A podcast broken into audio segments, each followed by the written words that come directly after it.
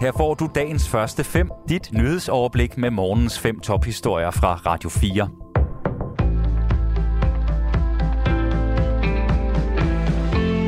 Det er fredag den 24. juni, og mit navn det er Sofie Levering. Det amerikanske senat har natten til i dag dansk tid godkendt et lovforslag om en stramning af landets våbenlovgivning. Det blev stemt igennem med 65 stemmer for og 33 stemmer imod, det skriver nyhedsbyrået Reuters.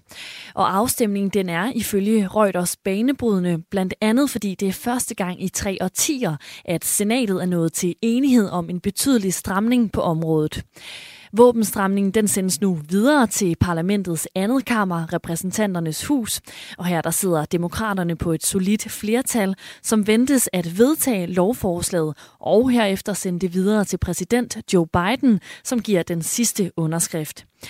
I lovforslaget der lyder det blandt andet, at der skal være et skrappere baggrundstjek af personer, som er dømt for vold i hjemmet, eller som i deres ungdom er dømt for forbrydelser af en vis karakter. Og så vender vi blikket hjem. Regeringens ønske om at sende asylansøgere til det afrikanske land Rwanda splitter befolkningen. Det viser en måling fra analyseinstituttet Voxmeter. Knap 39 procent af de adspurgte svarer, at de er enige eller meget enige i, at Danmark fortsat skal arbejde på at sende asylansøgere til Rwanda. Omvendt så er 27 procent af de adspurgte enten uenige eller meget uenige. Regeringen præsenterede sidste år en plan om at oprette danske centre til asyl asylbehandling i Rwanda, og regeringen i Rwanda har erklæret sig åben for at indgå en sådan aftale med den danske regering. Og forslaget det er siden blevet hæftigt diskuteret. Kommentator Erik Holstein peger på, at der stadig er mange spørgsmålstegn i forhold til den praktiske udførsel af aftalen. Over halvdelen af danskerne skal gerne bakke det op, ellers så er det et klart nederlag for regeringen og for det flertal i Folketinget, der støtter ideen, siger han. Ukraine vil gøre alt for at blive en del af EU hurtigst muligt. Det siger præsident Volodymyr Zelenskis stabschef. Og meldingen den kom kort tid efter, at EU's stats- og regeringschefer i går godkendte Ukraine og Moldova som EU-kandidatlande. Og det er en beslutning, som af Zelensky kaldes for historisk og unik. Ukraines fremtid er hos EU, siger præsidenten. For blot få måneder siden virkede et ukrainsk EU-medlemskab til at være meget langt væk, men det har Ruslands krig i landet ændret på. Ukraine de skal dog gennemføre en række reformer, før et medlemskab kan komme på tale.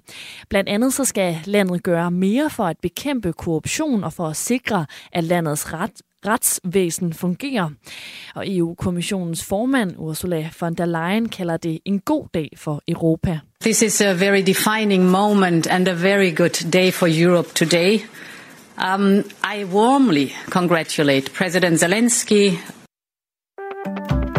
Storbritanniens premierminister Boris Johnsons konservative parti ser ud til at lide et stort nederlag ved et suppleringsvalg i to valgkredse.